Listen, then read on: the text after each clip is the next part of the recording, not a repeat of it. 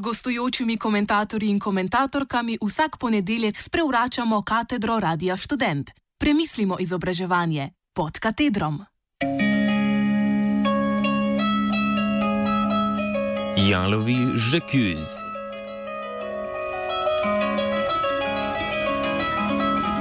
Minuli teden je položaj študentov dobil kar nekaj medijskega prostora. Pozornost množičnih občil so ujeli podpisen sporazum med Levico in Šarčevo koalicijo, ki predvideva postopno ukinitev študentskih servisov ter malverizacijo študentskih funkcionarjev, ki nam jih je večinoma pogrete servirala oddaja Tarča. Po oddaji Tarča je eden od udeležencev lansiral tudi spletno peticijo z naslovom Za više štipendije in proti korupciji v študentskih organizacijah ki poziva k ukinitvi obstoječega sistema financiranja študentskih organizacij in k preusmeritvi denarnega toka k štipendijam. Sentimenta, ki poganjata obe inicijativi, sta razumljiva.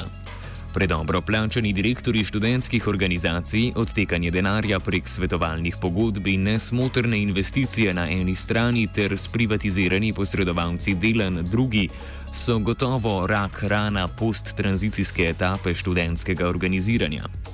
Relativno utemeljenemu moralnemu ogorčenju na vkljub je na mestu krajši kaveat. Obe inicijativi sta se namreč predstavljata kot sistemski rešitvi, a bosta obe za sabo pustili sistemske probleme.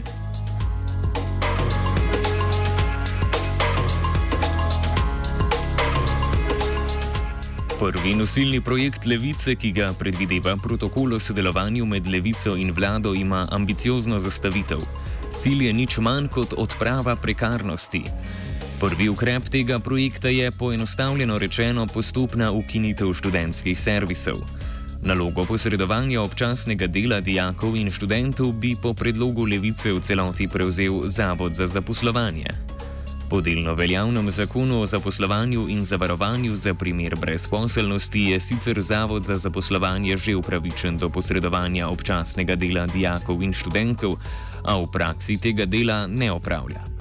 To vlogo v zameno za 3,8 odstotka vrednosti dela prevzemajo namreč zakonsko predvideni koncesionarji oziroma tako imenovani študentski servisi. Ne da bi dregnili vsem ustroj in modus študentskega dela, želijo v levici omenjene slabe 4 odstotke vrednosti dela preusmeriti v proračun in na posledu štipendije, tako da bi delo posredovanja tudi de facto prevzel Zavod za zaposlovanje.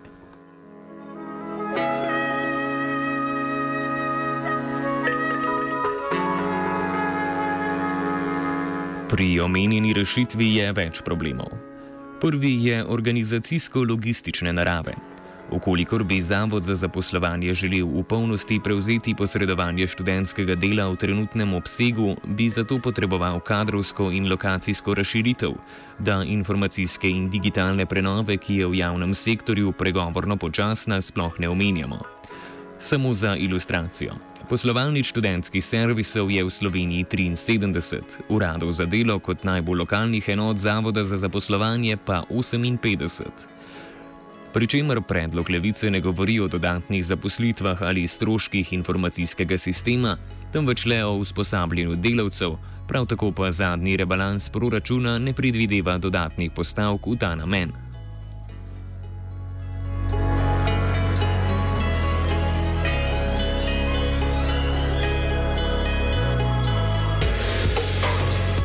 Drugi problem je skupen obima reformatorskima inicijativama, saj zadeva enega temeljnih paradoksov študentskega dela, oziroma dejstva, da so dajatve od študentskega dela namenska sredstva.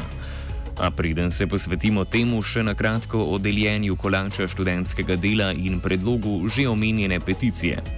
Pri študentskem delu se obračuna 16-odstotna koncesijska dajatev, pri čemer gre 52,6 odstotka teh sredstev v štipendijski sklad Ministrstva za šolstvo, vsak po 23,7 odstotka pa dobita študentska organizacija Slovenije in študentski servis. Levica bi posegla v privatniški del, peticija pa predlaga ukinitev financiranja šosa iz omenjenega naslova.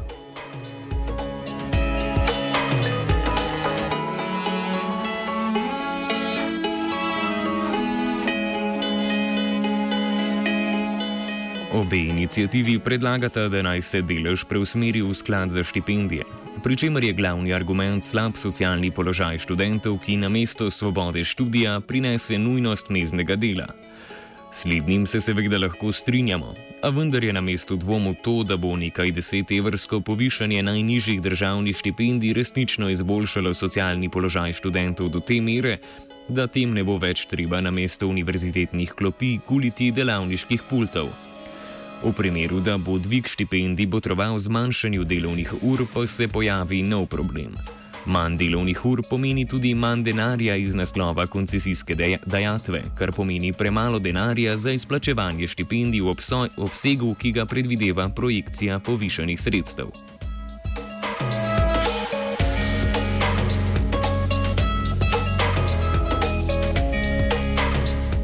Posledice drezanja v drug kos pogače so seveda različne.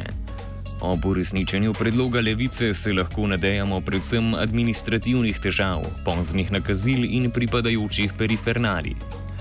Posledice ukinitve financiranja študentske organizacije Slovenije so veliko bolj daljnosežne. Institucionalizirano študentsko organiziranje namreč ni le mreža skorumpiranih funkcionarjev, temveč družbeni podsistem, ki zagotavlja določene javne storitve, ki nimajo alternative. Najprvo velja omeniti Radio Student, a tukaj je še nebroj drugih storitev. Študentska organizacija financira tudi študentske klube, ki so ne malokrat edina socialna in kulturna žarišča v manjših perifernih mestih. Zgražanju nacionalke na klub so tudi izleti in počitnice, ki jih ti klubi organizirajo, veliko krat edina možnost, da študentska denarnica zmore daljši oddihov v francoskih Alpah. Omenimo še šolt, ki ponuja izobraževanja, ki so občutno cenejša kot na trgu. Za ponazoritev, za tečaj korejščine boste pri tržnem ponudniku odšteli skoraj še enkrat več. In še bi lahko naštevali.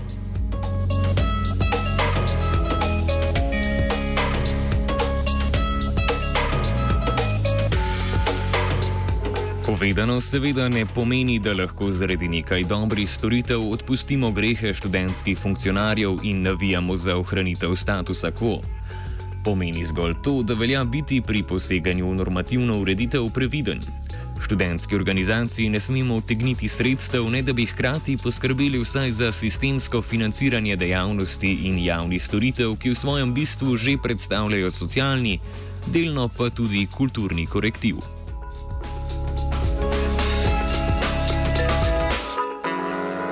Zaključujemo nekoliko utopično. Namesto poziva k ukinitvi financiranja študentskih organizacij, bi lahko kritični študenti in študentke prepoznali, da gre za vprašanje političnega boja in razmerja moči. Organizirana študentarija lahko trenutno korumpiranje strukture prevzame ali pa postavi nove in zase zahteva iste pravice. Organizirana študentarija lahko na mesto etatizacije študentskega dela zahteva njegovo demokratizacijo, posledično pa tudi nadzor nad lastnimi produktivnimi silami. Tokratno pod katedrom je pripravil Zupan.